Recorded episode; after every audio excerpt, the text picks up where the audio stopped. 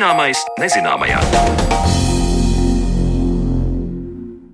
Labdien! Šis ir raidījums Zināmais nezināmajā. Ar jums kopā Kristiāna Lapiņa, un šodien runāsim par Baltijas jūru, tās piekrasti un pēdām, ko tajā atstājam. Dažkārt nevērības dēļ, dažkārt paši neapzinoties.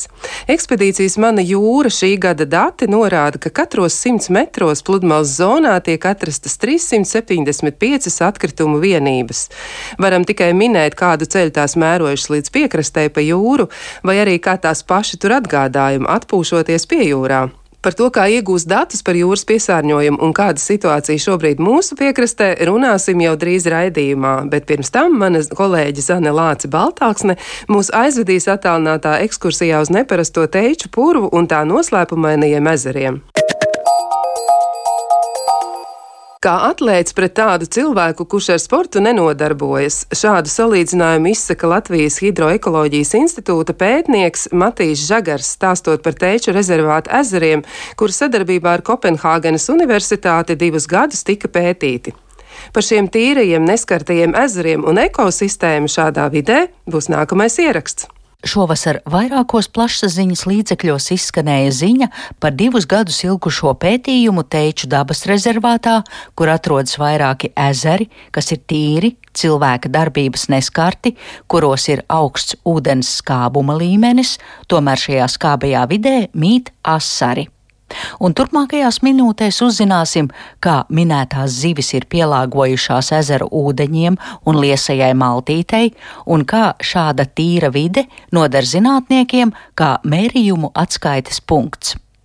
Jau pētījuma sākumā pirms diviem gadiem šajā raidījumā viesojās Latvijas Hidroekoloģijas institūta pētnieks Matīs Žagars, un toreiz minēja, ka viņa komandā ir daudz jautājumu, kā var pastāvēt tāda harmoniska ekosistēma. Tāpēc tagad attālināti ierakstītā sarunā vaicāju biologam, vai un uz kādiem jautājumiem ir izdevies rast atbildi. Nu, pētījums bija ārkārtīgi interesants un izdevās atrast. Tagad tieši ir viena zinātniska publikācija, kas cerams drīz tiks publicēta par to, ka izdevās identificēt atsevišķus tos ezeru veselības parametrus, ka mēs redzam, tad, ja mēs sametam vienā katlā un pēc šiem parametriem salīdzinām, teiksim, tā vulgāri izsakoties Latvijas parasto ezeru un šos te neskartos ezerus, tad jā, viņi atšķirās. Tā kā atšķirtos, teiksim, atlēts no kāda. Un, jā, nu viņi ir tādi atlētiski. Jā, un tagad, ja mēs skatāmies uz šiem uh, atletiskajiem ezeriem Teiču rezervātā, es saprotu, tā pirmā un galvenā pazīme ir ļoti tīrs ūdens. Kopumā, protams, tā ir viena no tādām pazīmēm, ka nu, ūdens tīrība, mēs mūsdienās nu, runājam par ūdens tīrību tādā kontekstā, cik daudz viņa ir cietusi no cilvēka izraisītiem antropogēnu piesārņojumiem. Nu, mēs, piemēram, ielaižam pavisam vienkāršot, ielaižam toleti savu sauso vai kaut kādu kanalizāciju neaktīram ūdeņos vai mēslojam laukus pie ūdeņiem un liekais slāpeklis, kam būtu jānokļūst kartupeļos, nokļūst ūdenī. Tas ir tas antropogēnais piesārņojums, kura tur nav, vienkārši nav vispār. Un viens no rezultātiem ir tas, ka ūdens ir ļoti tīrs. Nākamais, kas bija minēts par to skābo vidi, un tur es saprotu, ir sasaiste ar zivīm, jo jūs pētījāt astoņus ezerus teiču rezervātā un tikai bija atrasta viena zivju suga piecos no ezeriem - asaris. Jā, pamatā asars dominē. Pamatā asars ir tas, kas to skābo vidi ir spējīgs izturēt. Jā. Nu, tā viņam bioloģiski izveidojas. Mēs pat īstenībā ārkārtīgi interesanti. Tas bija starptautiskā kongresā un teicu kolēģiem, ka uh, ar cik zemu pH, jeb respektīvi cik augstu skābumu pie mums sadzīvo asars, nu viņi teica, ka tas noteikti varētu būt pirmais. Nu, pirmajā vietā pasaulē neviens līdz šim nav atradzis tik ļoti skābos ezeros asaru populācijas, kā mēs atradām. Tā skābā vide nodara pāri visām kļotādām organismam. Līdz ar to ļoti daudz zivs sugas nespēja. Tās ir žaunas, kas ir atklātas, kur nav, teiksim, zviņas priekšā, tās ir acis kas cieš no tās skābās vidas. Asars kaut kā ir pielāgojies, un mēs pat, kas, starp citu, ir kaut kas pilnīgi jauns un izveidojies pēdējos tajos darba mēnešos, ka mēs nodibinājām burvīgas zinātniskas attiecības ar vienu Tartu Igaunijas Zinātnisku institūtu un kopā sākām strādāt pie ģenētiskiem pētījumiem šo te asaru, izvirzot hipotēzi, ka viņiem ģenētiskā līmenī tik ilgstoši dzīvojot tajā dīvainajā tumšajā skābajā vidē, viņiem burtiski ģenētiskā līmenī ir izveidojušies pielāgojumi, viņiem ir lielākas acis, nu, viņiem ir sazarota sānu līnija. Sānu līnija ir tāds orgāns, ko zivs sajūt kustību sev apkārt, sajūt vibrāciju. Un tad, kad ir ļoti tumšs, tad tev, ja tev ir garāka sānu līnija, tu vari vieglāk uztvert savu upuru vibrācijas. Tas tāds ļoti fascinējošs rezultāts, kas attiecās uz zivīm. Jo katrā Latvijas ezerā, piemēram, asars pēc krāsas atšķirās. Zivī tas ļoti raksturīgi ir. Ja tur ir brūnāks ezers, tad arī zivs būs tumšāka. Ja ir gaišāks, tad dzidrāks ezers, tad nu, zivs kā likums ir gaišāka. Es saprotu, arī jāskatās ir tālāk, ja mēs runājam par barību šiem asariem, ka tie ezeri nu nav pārbagāti un, mm. minētās zivis ir pielāgojušās tādam, nu, dietiskam dzīvesveidam. Jā, dažos no viņiem viņas ir tādas ar lielām galvām, tievām astēm, ka liekas, Noķerot to dzīvnieku, liekas, ka, nu, iepīties pētnieku tīklos bija vieglākā izēja no šādas grūtas dzīves.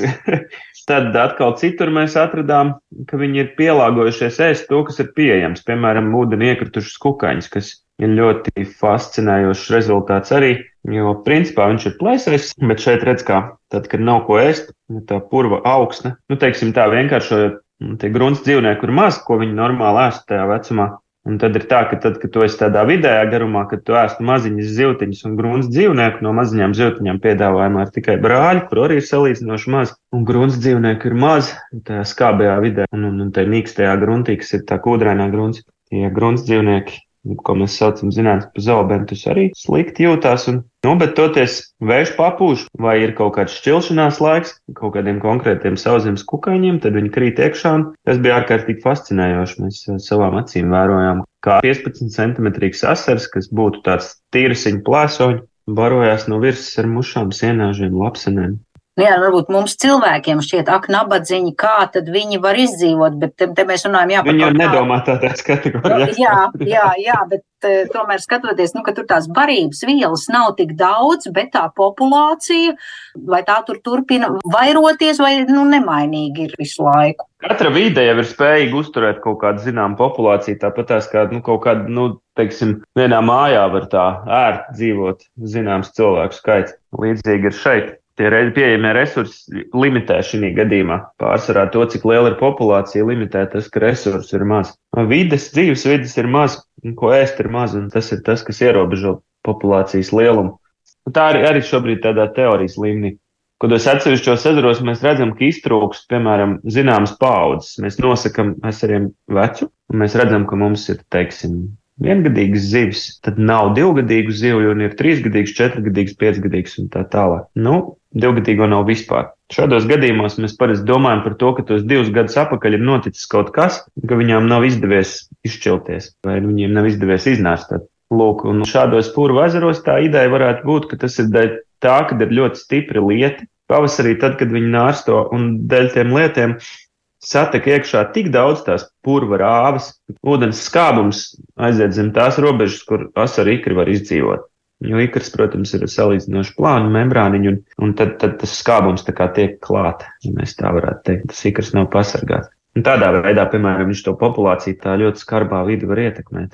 Laikam lietā ir atgādināti, jā, ka Teiču dabas rezervāts, kāpēc arī tur tie ezeri ir tik tīri, tāpēc, ka tur nav cilvēks iejaucies ar, ar makšķerēšanu un pārmērīgu savu mm -hmm. klātbūtni. Nu, precīzi, jā, protams. Mēs jau bieži vien arī ikdienā strādājot ar ezeru apsaimniekošanu un runājot ar cilvēkiem, nu, visvienkāršākais ieteikums jau būtu likt to ezeru mierā. Nu, vai likt to upi mierā bet cilvēki nespēja. Un šādas te tās retās ekosistēmas, kas zemeslodes kontekstā ir maza daļa no procenta, ar daudziem cipariem aiz komata, kas ir cilvēki pilnīgi neskarts, viņas jau pašas sevi pasargā. Nu, cik kāds tur, protams, aiziet, nu, teicu, purus jau nav Kanādas ziemeļi. Kāds jau tur aiziet, bet tā, ka redzētu tur kaut kādas cilvēka pēdas vai ka cilvēka ietekme būtu nozīmīga. Nē, cilvēks nav atslēgas spēlētājs šajos sadaros. Mani personīgi tas ārkārtīgi fascinē. Tagad pētījums ir beidzies, kur šie dati noder. Viens ir tas, ko jūs tagad pastāstāt, jā, šim raidījumam, vai ko mēs varam izlasīt, jā, par eh, šiem asariem un par tīro ūdeni. Kā tas nākotnē varētu kur palīdzēt? Ir kā mm, atsaucas stāvokļa definēšanas rīks, respektīvi tad, kad mēs gribam salīdzināt, kas ir tīrs vai netīrs, kas ir labā vai sliktā ekoloģiskā stāvoklī tad ar kaut ko ir jāsalīdzina. Nav absolūti labs vai absolūti slikts ekoloģisks stāvoklis. Un te mums ir atsaucis ezeri, kur ir cilvēki vispār neskarti, un tad, ja mēs atrodam šos parametrus, identificējam, kas raksturo to, kas piemīt. Tas, ko mēs tagad izdarījām vienā publikācijā, ka mēs salikām kopā tos vēl dažus ezerus Latvijā, kas ir cilvēku vidē, bet kas ir labi apsaimniekoti un veselīgi kopā ar tiem teču purvu ezeriem, un tad otrās painītī salikām tādus, kas ir cilvēki ietekmēti. Un nu, mums izdevās, jā, jā, jā, diezgan smuki matemātiski atrast tos rakstura lielums, kas veselīgus ezerus atšķir, un pat tajā veselīgo ezeru vidū šie teču ezeri ir visveselīgākie. Līdz ar to, nu, tas ir tā kā mēs skatāmies asins analīzēs ir references lielums. Ja, cik mums tur ir, nezinu, D vitamīns. Ziemā latviešiem vienmēr ir zem tās normas. Nu, tad šeit ir līdzīgi. Tas mums iedod references intervālus. Tas būtu naivi domāt, ka ar vienu, divu ar pusgadu pētījumu mēs tagad visas tur references ezeru problēmas atrisināsim. Tas tā nav. Bet man gribās domāt, ka mazliet mēs ar šo pētījumu esam palīdzējuši zinātnieku sabiedrībai un ezeru apsaimniekotāju sabiedrībai nonākt tuvāk tam. Mums vieglāk saprast, ir, kas ir labs un kas ir slikts ezeru veselīguma kontekstā. Par faktiem, skaitļiem runājot, tie veselīgi ezeri Latvijā procentuāli vai arī, es nezinu, uz vienas rokas pirkstiem tie ir saskaitām? Jā, uz vienas, nē paliek ar vien labāk. Prieks, ka tajā ceļā arī es un mana komanda esam bijuši, un, un, un kolēģi, un visi es, esam vienkārši bijuši vērotāji tam, ka cilvēki paliek ar vienu, es teiktu, pēdējos desmit gados, kopš es to procesu vēroju. Man ļoti liels prieks redzēt, ka ezera apsaimniekotāji un sabiedrība kopumā paliek, manuprāt, vidas apziņa aug un cilvēki paliek ar sakarīgāku attieksmi. Viņi domā līdzi vairāk. Es nesaku, ka visi tā dara, domā līdzi vairāk par to, ka tas resurss, tā zivs vai tas tīrais ūdens, tas nav kaut kas, par ko ir atbildīgs kāds tur augšā, un es varu turpināt laist savu kanalizāciju, slaktēt zīves, cik man lien, un nekādas atbildības nav. Tas nenāk atpakaļ pie manis. Tā tāda padomiska, postpadomiska domāšana, kas, manuprāt, šķiet, ka paliek mazāk. Līdz ar to Atbildot uz jūsu jautājumu, tāda skaitļa, protams, nav. Neviens jums tā precīzi nepateiks, bet nu, no tiem ezeriem, ar kuriem mēs esam diezgan daudziem strādājuši, es teiktu, ka tagad jau ir nu, uz abu roku pirkstiem saskaitām piemēri, kur man uzreiz nāk prātā, jā, forši šitien te tiešām cilvēkiem izdodas labi saimnieko un prātīgi saimnieko. Un tad, kad tu ar to dabas resursu apies ar cieņu, tad viņš tev arī atnes, nu, tad tev dārziņā arī tas burkāns izaug. Tad, ja tu viņu pamēslo, izravē, iedod viņam saulīti, nu, tas pats ir ar zīmēm, jebkuru dabas resursu. Tā ir labāk.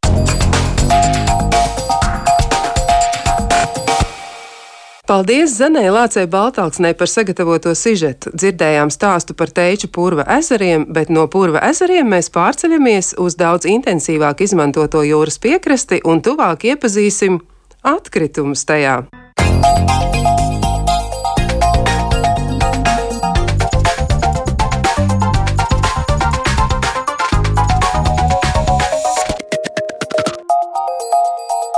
Zināmais nezināmajā. Baltijas jūras piekraste ir ainaviski skaista, iecienīta un vilinoša. Kaut gan ūdens temperatūra nav galvenais iemesls apciemot jūras piekrasti, tomēr tā ir vieta, kur baudīt aktīvo atpūtu, pastaigas vai vienkārši apbrīnot dabas varenību. Šodien vairāk par to, vai tiešām tas ir tik viegli iespējams, un vai gadījumā nav tā, ka vēl kas mūs sagaida piekrastē. Es sveicu studijā Elīnu Kolāti, biedrības Zero Waste Latvijas valdes loceklis. Sveicināt! Sveika! Un vēl arī eh, sveicu studijā Jāni Ulmi, kurš ir vidas izglītības fonda pārstāvs. Sveicināti! Sveiki! Nu, tad es sākšu ar Elīnu. Es uh, saprotu, ka aizvadītajā nedēļas nogalē biedrība ir veikusi auditu pie, piekrastes atkritumiem Daugaugrīvā, un lai uh, saprastu, tad kādi zīmoli tieši ir atstājuši pēdas, jo, protams, mēs saprotam, ka tur ir ļoti daudz dažādu lietu, ko mēs atrodam uh, piekrastē, bet ir arī tā, ka ir kādas tādas, nu, vairāk izplatītas lietas, ko mēs ieraugam un atpazīstam. Nu, jā, tas ir kaut kur tepat varbūt iegādāts, vai arī tas ir kaut kas, kas ir ļoti populārs populārs. Kā tad ir? Nu, es domāju, ka audita rezultātus gadiem ejot, mēs varam dalīt divās daļās. Pirms depozīta sistēmas un pēc depozīta sistēmas. Un tagad ir pienācis tas pēc depozīta sistēmas laiks. Un, ja agrāk uh, topa augšgalā vienmēr bija dzērienu pudeles, tad šogad Mēs tās praktiski neatradām vispār. Bija viens kokteils uh, pa visu pludmali ar depozītu zīmi un pāris vīna pudeles. Vīna pudeles vēl nav depozīta sistēmā, nu, tāpēc arī viņas tur atradām. Daudz atradām korķus toties, kas uh, bija uh, noņemti no pudelēm un kaut kur tur uh, mētājās apkārt. Uh, ja šogad dzērieni no topa ir praktiski izkrituši, uh, Tad ir eh, vietā nākušas cigaretes un daudz. Te būtu vietā atkārtot, ka ne tikai pludmalēs nav jāsmēķē, jo tas tur ir aizliegts, bet visur, kur mēs smēķējam, tos izsmēķus metam miskastē, nevis kaut kur zemē, jo ai, sadalīsies. Sadalīsies, sadalīsies tikai cik ilgā laikā un kurš pa to laiku šos izsmēķus apēdīs. Ehm, es domāju, ka es varētu prezentēt to topu. Jā, tad... tas būtu interesanti noskaidrot, kura zīmola tad dominē. Ceturto un piekto vietu dālā saldumu ražotājs Rošen ar korona ekstra aliņu. Bet šajā gadījumā tās nebija pudeles, tie bija metāla korķi. Pudeles smuki aizgādātas uz, taro, uz taromātu. Uh, Un uh, pirmais trīnieks pilnībā veltīts uh, cigaretēm. Trešā vieta - Reynolds American, uh, pazīstam tādus zīmolus kā Camel un Keynes. Otrajā vietā - Philips Morris International, tas būtu Marlboro, LM, Chesterfield Parliament. Un pirmajā vietā ir Imperial Brands, ko cilvēki pazīst kā Winston cigaretes, kas bija absolūti iecienītākās Daugavgrības pludmalē. Jā, dati rāda, ka tiešām ir ļoti daudz atkritumu skaitliski tiek saskaitīts, ja, tad eh, kas tieši tas ir. Eh, ja mēs domājam par proporciju, tad, eh, nu, tiešām sanāk laikam tā, ka cigarešu gali tur ir atrodami pietiekami daudz. Cik tas proporcionāli ir?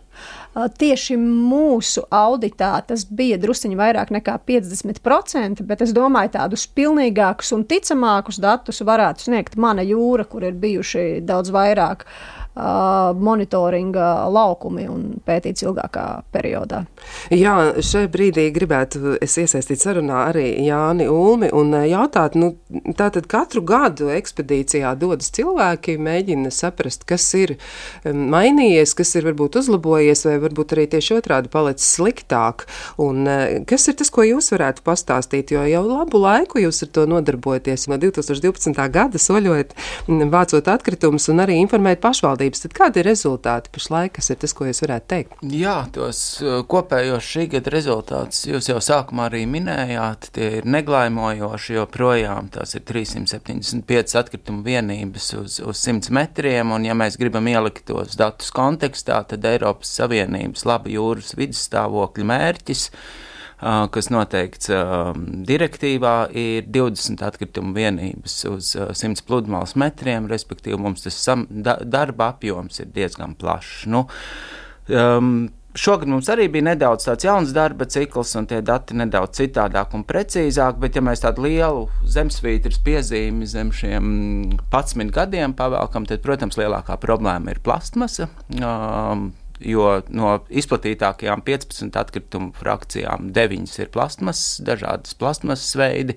un no šīs plasmasas, kā arī šogad datos pirmo reizi arī iekļaujot eh, pilnas smēķēšanas atkritumu datus, redzam, galvenā problēma ir eh, tieši izsmēķi un jebkādi citi smēķēšanas atkritumi. Un tie sasniedz uh, vidēji Latvijā, Latvijas piekrastē šo, šogad trešo daļu, respektīvi 32%. Bet kā ir citās valstīs? Jūs esat pētījuši atšķirības eh, citās valstīs, kā tur notiek, jo cilvēks smēķē visā pasaulē visticamāk, un eh, nu, šai ziņā mēs droši vien nesagaidīsim brīnums, ka būtu kāda valsts, kur vispār tas nenotiek. Smēķēšanas atkritumi ir uh, top 3 izplatītāko atkritumu mm, veidos visapkārt, visapkārt pasaulē. Nu, vienīgais ir ir tas, ka nav tik lieli procenti dažviet, sevišķi ap ba Baltijas jūru, bet uh, salīdzinot ar globālajiem datiem, varbūt smēķēšanas atkritumi, mēs vēl neesam tos griestus sasnieguši, jo tie mēdz būt līdz pat 40-45%. Tā tad ļoti daudz. Kas tad vēl ir sakāms par šo? Jo, ja mēs domājam par atbildības uzņemšanos, ir skaidrs, ka būtu cilvēkiem droši vien jādomā, bet kāds varētu būt risinājums jūsuprāt? Jo, ja pludmalē smēķēt nedrīkst, tomēr mēs izsmēķus tur atrodam. Nu, pirmkārt, jau tā būtu uh, esošo noteikumu ievērošana un kontrolēšana. Mēs varam izdomāt jaunus kaut kādus aizliegumus, bet, ja ne, neviens viņus nekontrolē, kāda jēga? Tad eh, pirmais būtu kaut kā kontrolēt arī tos noteikumus, ko mēs esam ieviesuši. Eh, tas būtu ne tikai nolikt policistu pie katra smēķētāja, kas, protams, nav reāli, bet arī sabiedrībai kopumā, nu, tiem cilvēkiem, kas neievēro šos noteikumus, aizrādīt un pieklājīgi palūgt eh, uzsmēķēt kaut kur citur. Uh, otrs būtu mm, vairāk ražotāju atbildība. Uh, un varbūt ir jāmeklē kaut kādi citi materiāli šiem cigarešu filtriem, varbūt tādi, kas tiešām dabā varētu sadalīties. Es tagad fantazēju, bet nu jā, tad, tad tas būtu kaut kāda cita veida materiāls. Un uh, ar Jāni arī esam diskutējuši par to, nu, kāda tad būtu vidē draudzīgākā smēķēšana. Skaidrs, ka tas ir slikti, bet ja nu tomēr, uh, tad. Uh, Tā problēma ir tā, ka cigarešu filtrs ir eh, vienreiz lietojams sniegs, viena cigarete izsmēķējama, tās ir 5 minūtes, un, un tad viņš ir 15 vai cik nu gadus gulējis zemē. Uh, risinājums, risinājums būtu skatīties daudzreiz lietojumu smēķēšanas priekšmetu virzienā, un tas labākais, ko mēs atradām, bija pīpēt pīpi kas uh, tagad nav īpaši izplatīti vairs, bet uh, jā, tā ir pīpe, ko var lietot ilgi, daudz. Jā, viņa ir jātīra laiku pa laikam, bet uh, tāda smēķēšana nerada tik daudz to uh, atkritumu. Bet nu, galvenais, protams, jā, nu, nemetam tos benčikus, kur pagadās. Galu galā, ja mēs pīpējam savus mājas pagalmā, tad jau arī mēs ieliekam tos uh, izsmēķus uh, pelnu traukā vai miskastē, nevis vienkārši metam zemē. Bet kā ar cilvēku uzvedības maiņu? Vai jūs esat pamanījuši izmaiņas tad, ja parādās kāds piedāvājums, kā, piemēram, aizvākt atkritumus vai ko ar to darīt? Nu, piemēram, depozīta sistēma, jūs arī minējāt, ka tas ir būtiski izmainījis atkritumu daudzumu, e, tieši runājot par plasmasas izstrādājumiem. Vai tas būtu vēl kaut kā attīstāms, varbūt ir kādi citi veidi, kā varētu to mm, palīdzēt tomēr iedzīvotājiem risināt, lai viņi kļūtu atbildīgāki. Prevencija ir faktiski šeit nav vienas atbildes visai piekrastē, jo Par prevenciju runājot, eh, teiksim, noslogotajās pludmalēs, uh, ir jādomā arī dzen, par papildu infrastruktūru, jo viens ir kontrole, kuras absolūti nav, jo mēs redzam, ka šo izsmēķu, smēķēšanas atkritumu daudzums ir vispiesātinātākais oficiālajās pludmalēs, kur ne tikai nedrīkst smēķēt, bet kur arī būtu jākontrolē, un kur ir skaidrs sodu sistēma un parasti darbojas glābšanas dienests, eh, kas mēdz būt arī daļa no pašvaldības policijas. Bet uh, varbūt ir jādomā šajās uh, blīvākajās vietās, uh, kur šī problēma ir vislielākā, arī par papildu infrastruktūru. Un ši, šeit jautājums jau vairs nav tikai par iedzīvotāju atbildību, tas ir par pašvaldību arī dzen, un apsaimniekotāju atbildību. Galu galā, tā, kā mēs redzam pēdējās likumdošanas izmaiņās, uh, mēs beidzot sākam runāt arī par ražotāju atbildību. Tas ir viens no faktoriem, kā viņi ir jā, jāiesaist. Nu, tas ir vidas politikas pamatprincips. Nu, ražotāju atbildībai ir jābūt par to, kādu piesārņojumu viņi rada. Un izsmēķis nav tikai nevainīga vienība, kas noguļ tos 11 gadus. Viņš sadalās tūkstošos plasmas mikrošķiedru un piesārņo gan, gan augsni, gan ūdeni un nonāk barības ķēdē. Tā, tas ir tāds nopietns, ko mēs, diemžēl, sabiedrība acīm redzot, vēl nesaprotam. Es vēl gribētu piebilst, ka mēs visi saprotam, ka smēķēt ir kaitīgi un tajā cigaretē ir nu, virkne dažādu kaitīgu vielu. Un tad, kad šo izsmēķi ar visām šīm vielām nomet zemē, kaut kādā mitrā vietā sevišķi, nu, tās vielas jau neizgaist. Viņas turpat paliek, un uh, tad mitrumā viņas sāk izplatīties pa augsni, ūdeni vai kur nu viņas ir nonākušas. Tā kā ar nomestu benčiku šīs skaitīgās vielas nepazūd galīgi. Ne. Jā, bet runājot par secinājumiem par šo gadu, jeb nu, par to, ko mēs varam pateikt paši par sevi pašlaik, kur ir tīrākā un kur ir netīrākā piekrastes zona Latvijā? Netīrākās zonas nu, mums gandrīz katru gadu šeit arī dzen, kolēģi bija un redzēja, ka tas diezgan droši ticam varētu būt. Diemžēl netīrākā vieta ir Daugaugrīva un, un Jūrmālas pilsētas pludmales. Par Daugaugrīvu gan gribētos teikt nedaudz, ka Daugaugrīvas monitoringa laukumā un pludmalē mēs redzam ne tikai to turienes atpūtnieku vai, vai Daugaugrības iedzīvotāju atstātos atkritumus, bet mēs redzam, ka satek kopā viss no visas Rīgas, arī dzen, no, no upēm un, un sistēmām. Savukārt tīrākās, tīrākās mums šogad bija Tukuma novada Angūras centrā, Lauča akmens, tepat vidzemē un Miķeļa tonis pie atklātās jūras. Nu, par Daugaugrības varētu pateikt, ka patiesībā mums bija patīkams pārsteigums. Uh, ka dienā, kad mēs tur bijām, tur pat bija salīdzinoši tīrs. Ļoti iespējams, ka no rīta pašvaldības dienesti bija pludmali uzkopuši, un tas tiešām ir atkarīgs arī no dienas, kad mēs tur ierodamies. Bet tā kopumā, protams, es vairāk uzticētos manas jūras ilgadīgajiem datiem daudzās dažādās pludmalēs. Jā, vēl jautājums arī pēc kādas metodoloģijas tika, tiek veikta uzskaita, kā tieši tas tiek noskaidrots, cik tad ir, jā, jo, nu tā tad ir noteikts metru skaits, 100 metri, un tad tiek meklēts šīs vienības, bet varbūt jūs varat precizēt, kā tieši tas notiek, ja, un uh, kad tad mēs varam secināt, ka kaut kas ir daudz, un kad tad ir par daudz, ja, no kurienes nāk šis skaitlis, jo ideāli droši vien būtu, ka pludmalē neatrastos neviens atkritums, un tā būtu brīnišķīga situācija. Eh, jā, eh, metodoloģija ir. Eh, metodoloģija šogad mainījās, bet viņa visu šos 12 gadus iepriekš ir bijusi ANO vidas programmas metodoloģija, ko izmanto gandrīz visur apkārt, apkārt Baltijas jūrai un citām jūrām. Tā bija globāla, bet ar šogad mēs sākām izmantot, lai preci, vēl precīzāk varētu pateikt, sākām iz, izmantot Eiropas, jauno Eiropas Savienības kopējā izpētes centra metodoloģiju, kas arī kalpo kā šīs jūras struktūra direktīvas izpētes metodoloģija pludmales atkritumiem.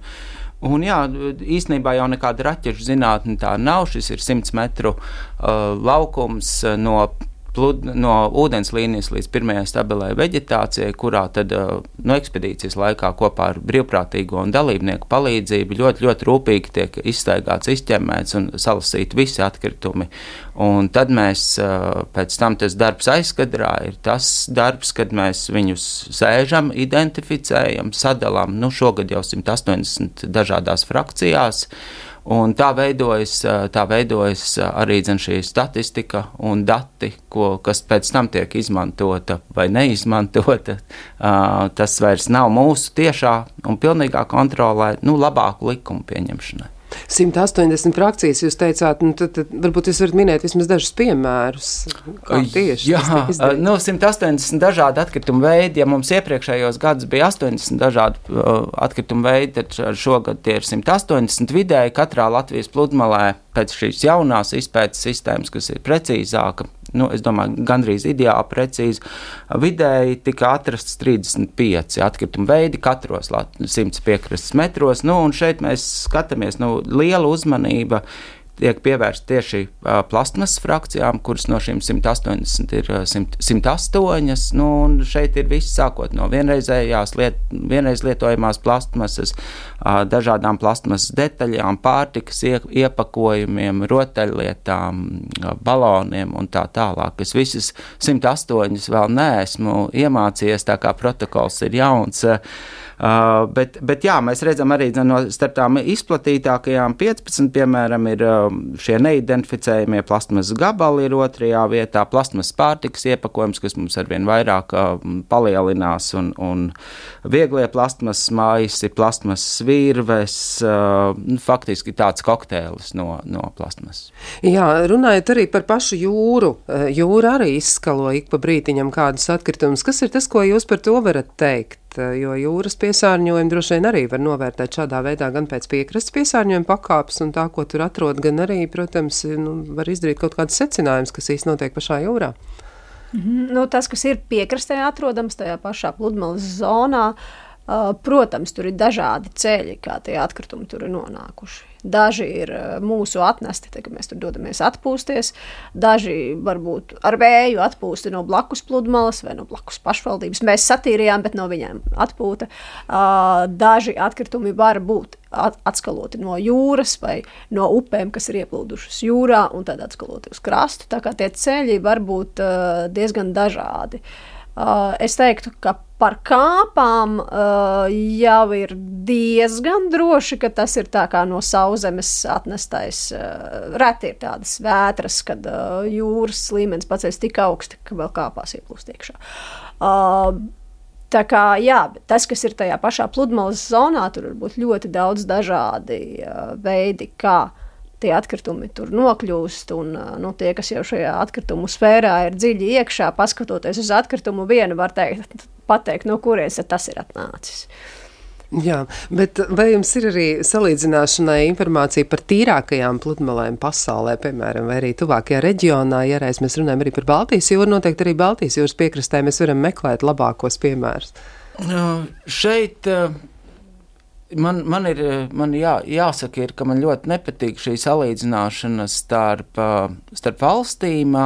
Salīdzināt var proporciju, teiksim, cik plastmasa, jo tā identificējas tās, tās problēmas, bet ja mēs paskatāmies uz mūsu pludmali salīdzinājumā ar citām Baltijas jūras valstīm, ļoti daudz kas tajos atkritumu veidos, ceļos un tajā, cik viņi ilgi uzturas pludmalē, kāpēc un kā viņi tur nonāk, ir atkarīgs no pludmales tipoloģijas. Un mums salīdzināties ar uh, Somijas, Zviedrijas arhipelāgu pludmalēm vai arī klinšu pludmalēm, uh, kur tā atkritumu plūsma ir uh, un, un viņu tie apstākļi, kā viņi paliek vai nepaliek pludmalēs un vai viņas var pamanīt, ir pavisam citādāk. Tas, tas, tas tā nav un arī šie dati par identificētajām tīrām tīrākajām, netīrākajām vietām viņi tomēr ar kaut kādu gadu, divu gadu nobīdi ieiet starptautiskajās datubāzēs. Tātad tādu man uz, uz, uz, uz šo, šodienu nav.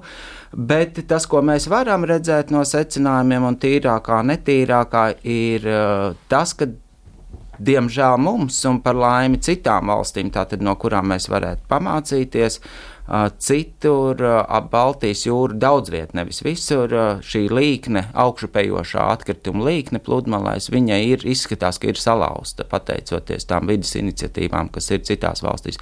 Mums viņa, diemžēl, ir nostabilizējusies un ik pa brīdim ceļus vēl joprojām augšā nu, tādā stabili, traģiskā līmenī. Nu, ja reiz tas tā ir, kādi ir jūsu piedāvātie risinājumi, vai varbūt jums ir arī savas idejas, kā jūs eh, domājat, kā nākotnē šo problēmu varētu atrisināt, jo, ja būs tā, kā jūs stāstāt, tas nozīmē, ka būs tikai sliktāk. Mm -hmm. uh, Nu, tur jau atkal jāskatās katrs atkrituma tips atsevišķi. Nu, piemēram, mūsu auditā redzējām, ka ir ļoti daudz šo pudeļu korķu.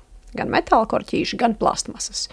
Uh, tagad jau ir parādījušās plasmasas pudeles un arī tā saucamās tetrapakas ar plasmasas korķiem, kuri uh, paliek uh, pie iepakojuma tad, kad to noskrūvē. Tur tāda maza saitīta, un, un, un tad paliek, un nekur viņi nevar aizmest. Protams, ja baigi grib, var noraut, bet uh, ja tā gribēšana ir vidēja vai zema, tad, tad īsti nē. Uh, protams, cilvēki lamājas par tiem korķiem, jo tas ir jauns korķis, un tev viņš tagad ir jāpagriež nevis šitā, kā tu esi pieredzējis visu mūžu griezt, bet mazliet citādi.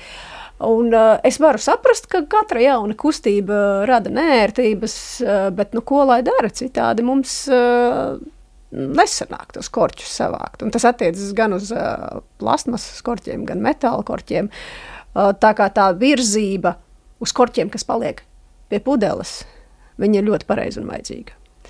Un tas, tas ir piemērs, kad tieši ir ražotājs, kuram būtu jāuzņemas atbildība par sevis radīto piesārņojumu, ka tieši šādi ražotājs var šo piesārņojumu mazināt. Ražotāji gan šo uh, neieviesa labprātīgi. Tā viena no prasībām uh, vienreiz lietojamās plasmasas direktīvā, un šeit, jā, šeit es arī esmu iespraucis, jo es katru gadu domāju par šiem secinājumiem, jo ne jau dēļ, dēļ skandāliem, un tā mēs, mēs gribam, lai kā gribētos ticēt, un joprojām ir jātic tam, ka ar, uh, var uh, ar labo gribu, izglītību un tā tālāk. Uh, panākt šīs labās, labās izmaiņas, tad, ja, skat, ja es skatos datos un datu kopsavilkumos, tad, un tādos sausos datos, tad racionāli ir jāatzīst, ka darbojas un vislielākais potenciāls ir ierobežojumiem, kontrolai un aizliegumiem. Nu, diemžēl tāda tā sabiedrība ir. Ja jo, kāds tos jā, ņem vērā ja kāds tos ņem vērā, un šeit, eh, šeit ir tā, tā lieta, ka ir kaut, kādi, eh, kaut kādas lietas, ko mēs nevaram neņemt vērā, ja tās ir Eiropas Savienības politikas vai, vai ekonomiskie instrumenti, jo mēs redzam, kā divu gadu laikā depozīta sistēma šais konkrētās atkrituma frakcijas ir paņēmusi no pludmales par 50%. Tas ir acumirklīgs efekts. Eh, tas nav liels uz pludmales atkritumiem, jo tās tie atkrituma veidi nebieži, izņemot stiklu, paliek pludmalē.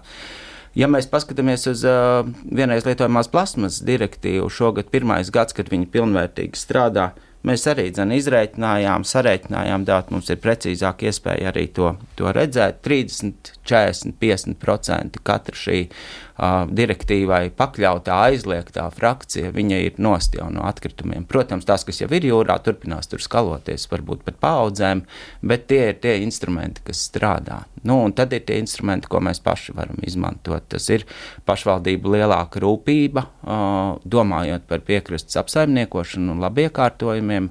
Katra cilvēka atbildība, protams, no kā mēs nevaram izvairīties. Uh, Un arī nacionālie uh, lēmumi, ja mēs redzam, ka depozīts strādāja, bet mēs redzam, ka citās vietās mums ir ļoti bēdīgi rezultāti, nu, vispār atkrituma apsaimniekošanā jomā, nu, tad ir dabas resursu nodoklis, ar ko var uh, tomēr daudz ko ietekmēt, kas galīgi nav izmantots vēl. Tas nozīmē, ka tad, ja ir pilns cikls, nu, tad pašā noslēgumā arī attiecīgi produkta iesaiņojumam vai eh, šai kastei vai jebkam citam, ja tiek atrasts arī tāds, nu, vai, nu, mm, sadalīšanas un, un, un atkrituma pārstrādāšanas veids, vai arī, nu, ir kāds, kas to savāc, tad izskatās, ka rezultāti ir diezgan labi. Um. Kaut arī, protams, pārstrādēji ir uh, ļoti liela nozīme vispār kaut kādas aprits nodrošināšanā. Es domāju, ka tieši atkritumu savākšanā pludmalēs tas nav būtiski, jo diez vai cilvēks domā, ka Oi, šito jau nevarēs pārstrādāt, tāpēc metīšu te pats smiltīs. Šito var pārstrādāt, to gan es metīšu miskastē. Nu, nav tādas diskusijas cilvēkam galvā. Vai nu met ārā, vai nu miskastē. Tad īpaši nedomājiet par to, kas notiks tālāk. Uh, bet vēl viena lieta, ko ražotājs var darīt, jau runājam par tiem korķiem, tiešām papētīt to savu iepakojumu vai produktu un apskatīties, vai tur nav kaut kā lieka. Iedomājamies, piemēram, šampaniešu pudeli, kurai uh, uz tā kakliņa, tā, kad tuvojas korķis, ir tas alumīnijas apkārt, folija. Priekš kam? Viņš nepilda pilnīgi nekādu funkciju. Dažreiz tur ir norādīts eh, tas eh, ražotāja zīmols, dažreiz nekas tur nav norādīts. Viņš ne viņš palīdz labāk kaut kā uzturēt svaigu šo dzērienu, ne viņš palīdz viņu labāk noturēt. Nav nekādas funkcijas, vienkārši tā ir iegājies. Un, uh, tas ir arī viens no tādiem niekiem, ko cilvēki uh, dzerot šampanētu pludmalē, kas starp citu arī ir aizliegts, uh, tur noknibina nost, kaut kur tur nozaudē un šādi nieki apkārt mētājas. Vai Jā. tas ir vajadzīgs? Ko, kādu funkciju tas pilda un kā tas uzlabo mūsu dzīvi, ka tur ir šāds nieks apkārt? Tas ir labs jautājums. Tātad ražotājs arī varētu tiešām pārdomāt, eh, ko tad vēl varētu samazināt ja, savu produktu mm, produkta gala versijā, kas tur varētu arī nebūt. Nu, ja mēs mēģinām izdarīt tādu kopsavilkumu par šo visu, tad uh, Nu, kāda perspektīva iezīmējas? Kas ir tas, kas ir tas pats pats būtiskākais, ko jūs gribētu teikt šobrīd? Un varbūt ir kāds mērķis, kas ir izvirzīts nākotnē, bez tā, ka atkrituma daudzums, protams, ir jāsamazina, bet varbūt ir vēl kaut kāds tāds konkrēts idejas. Konkrēti plāni, kāda papildus iniciatīva, jo cilvēku iesaistīšanās, protams, ir ļoti svarīga lieta. Neapšaubām tas arī notiek, un cilvēki kļūst atbildīgāki. Kaut gan jūs arī sakāt, ka no atkrituma skaits būtiski nesamazinās un gribētos, lai tas notiek straujāk. Bet varbūt ir kāda iniciatīva, par ko ir vērts apdomāties vēl papildus tam visam. Jo Latvija ir ieviesusi gan talkas, gan eh, daudz ko citu, gan arī mana jūra, ja šī iniciatīva ir iesaistījusi arī citus cilvēkus un viņi piedalās. Nu, kas nestrādātu, noteikti būtu vēl jaunu talku ieviešana, jo tā necīnās ar atkritumu problēmu. Savācot uh, cilvēkus, kas par brīvu uh, vāks atkritumus, nē, nē, nē, tā to aizmirstam, un arī dažādu ražotāju vides iniciatīvas, ka, hei, mēs esam baigi labi, jo mēs uztaisījām tālku pie upes vai pie jūras reizi gadā, bet turpinām ražot vienreiz lietojamo plastmasu, tas, tas neiet cauri. Bet kas tad iet cauri? Es domāju, ka tas, kas varētu iet cauri, ir, kā arī dati to saka priekšā, ir prevencijas aktivitātes. Vienalga, vai tās nāk nacionālā līmenī ar kādiem ekonomiskajiem instrumentiem vai, vai ierobežojumiem, vai tā nāk no, tās nāk no ražotājiem, vai tās nāk no sistēmām, ko ievieš pašvaldības, lai, jo katru pludmali, sevišķi jau urbānās pludmales, var saplānot tā, lai šie atkritumu konteineri eh, būtu tur, kur viņos ir ērti izmest, eh, lai, lai būtu tādi konteineri, kas nav putnu barotavas un faktiski nepalīdz tikai atkritumiem sakoncentrēties un izplatīties. Un tā vēl joprojām ir lieta, kur Latvijā ir daudz visā piekrastē darāms, un mēs mēģinam arī tā palīdzēt un iedvesmot pašvaldības un to apsaimniekotājus, jo tajos datos, kas mums ir, diezgan precīzi jau var pateikt gadu no gada, no kurienes viņi ir, kāpēc tajā pilsētas pludmalē situācija ir tāda. Vai tas ir tāpēc, ka pirms diviem gadiem atļauja jaunu pludmales kafejnīcu, kas tur ignorē visu, vai, vai ir kādi citi iemesli, vai nav pareizi saplānotas smēķēšanas zonas, daudz ko pat ar informācijas zīmēm var palīdzēt. Nu, tie tādi mazie soļi, kas nu, joprojām ticam un jātic, citādi nav jau jēga tam darbam, var dot lielu rezultātu. Jā, un varbūt ir eh, nu, vēl kas tāds, ko katrs pats var ņemt vērā. Varbūt ir tāds eh, universālais algoritms eh, katram pludmales apmeklētājam, ko būtu vērts ievērot.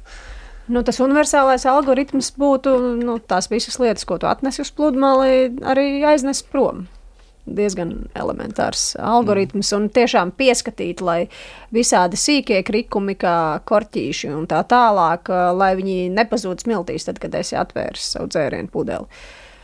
Jā, nu, un tad eh, pašā noslēgumā atgriežoties vēl pie lielākajiem piesārņotājiem, kas arī caur iedzīvotāju ieradumiem un uzvedību tomēr eh, nu, atstāja pēdas pludmalē. Ko tad mēs iesāksim ar šiem? Jo, ja mēs runājam piemēram par to pašu smēķēšanu vai ieradumu maiņu, nu cik ticami tas ir, ka to varētu izdarīt katrs cilvēks pats, un cik ticami ir tas, ka varētu mainīties pats produkts? Um. Es domāju, ka tas lielā mērā ir uh, vēl aizvien sabiedrības izglītošanas jautājums, ja runājam tieši par izsmēķiem. Uh, jo tik tiešām izglītoti un kultūrāli cilvēki vēl aizvien. Uh, mierīgi sarunājoties un smēķējot, sarunas beigās Benčika nomet zemē un Renselē iebīda tā, it kā tas nebūtu atkritums. Uh, iespējams, viņi tā nedarītu, piemēram, ar uh, hotdogu papīrīti, kas paliek pāri vai plasmasas pudeli. Viņi neaizsviest sev pār plecu, bet uh, ar izsmēķiem vēl aizvien tā dara, jo šķiet, ka tas jau nav nekas tāds papīrīts un vāta. Nē, tas ir plasmasas gabaliņš, kas ir piesūcināts ar uh, visām tām kaitīgām vielām, kuras mēs uh, varam atrast, te, ka meklējam kaut ko par smēķēšanas kaitīgumu. Un tad vēl pašās, pašās beigās mans pēdējais jautājums par šo, vai ir iespējams arī izmantot kādas tādas, nu, tiešām informatīvās kampaņas, ir tādas akcijas ar informācijas sniegšanu cilvēkiem, kur eh, nu, varētu varbūt panākt būtisku pozīcijas maiņu par to, mm, kas tad īsti ir atkritums, cik ilgi tas saglabājas vidē, jo par plastmasu mēs puslīdz nojaušam, ka tas ir ļoti ilgs laiks, kamēr plastmas sadalīsies, ja tur paies gandrīz vesela mūžība. Eh, ja mēs domājam par citiem atkritumiem, nu, cik tad cilvēki ir informēti un vai tas varētu palīdzēt? Es, eh, ja godīgi šaubos, vai cilvēka lēmumu pieņemšanas laikā tas, vai atkritums sadalīsies 5, 50 vai 500 gados, kaut ko maina. Arī tad, ja es šeit uh, radio studijā nomestu ābolu sērdi, kas tā, nu, salīdzinoši ātri sadalīsies un izietu ārā, tad būtu tā jocīgi, ka, nu, ka, kas tas bija, vai kaut kāds vistu kālus te izbērtu. Arī sadalīsies, viss kārtībā, jūs nomierinieties. Uh, nu, vienkārši tas, ka to atkritumu ārā nemet, vienalga cik ātri viņi sadalās. Un tas, tā, tam tā ir vienkārši jābūt. Es, es tiešām šaubos, vai kāds uh, rēķina, ka, oh, šitais sadalīsies piecos gados, tad to var mest, bet šitais septiņos šito tad es nemetu, ja tas ir pret maniem principiem. Tad izklausās, ka jūs neesat ļoti optimistiski noskaņot attiecībā uz to, ka, ja cilvēks tomēr padomātu, nu, ka tas plasmas maisiņš tur ilgi, ilgi paliks pludmalē, nu, ka varbūt tomēr nevajag mest. Mm. Es nedrīkstētu strādāt uh, organizācijā Vidus izglītības fonds, ja es neticētu tam, ka izglītībai un informācijai ir nozīme. Izglītībai un informācijai ir nozīme. Tā kļūda, kas man liekas, ir uh, pieļauta, vai arī tāda strateģiska kļūda. Uh, un to mēs redzam arī visā pasaulē, ka un viņai ir jāturpinās. Un ir daudz jaunas iniciatīvas, un ražotāji un institūcijas pašreiz tuvākajos gados tiešām plāno jaunas lietas, un redzēsim arī smēķēšanas atkritumos pilotu pašvaldībās jaunu infrastruktūru un mēģinājums risināt.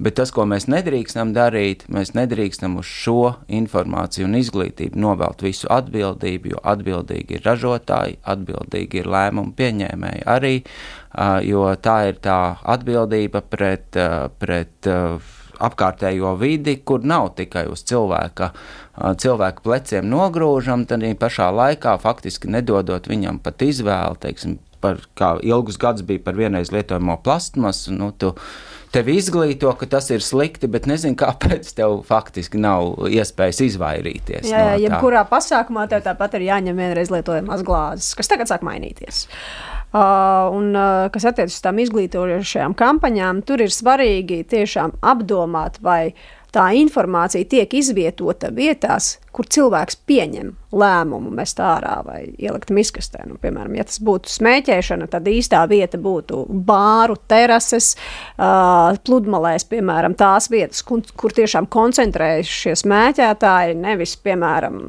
autobusu pieturās, kur smēķē reti un, un cilvēki par šo tomēr nedomā, ko es darīšu, tad, kad es nākamreiz smēķēšu, kur es likšu to izsmēķi. Tā informācija ir jābūt uh, acu augstumā, vietā, kur tiek pieņems lēmums. Jā, tā tad tas viss būs jāņem vērā. Nu, jāsaka tā, tiešām daudz darāmā, kopīga atbildība, bet eh, ir, ir daudz, kas vēl paveicams. Cerams, ka kopīgiem spēkiem izdosies arī atkritumu daudzumu pludmalēs samazināt. Es teikšu paldies Elīnai Kolātei, biedrības Zero Vēst Latvija valdes loceklē un Jānim Ulmem, vīdes izglītības fonda pārstāvim. Eh, paldies jums par sarunu. Pie mikrofona bija Kristiāna Lapiņa, skaņa operātora Kristīna Dēle, bet par mūziku šim raidījumam rūpējās Girts Bišs. professionals.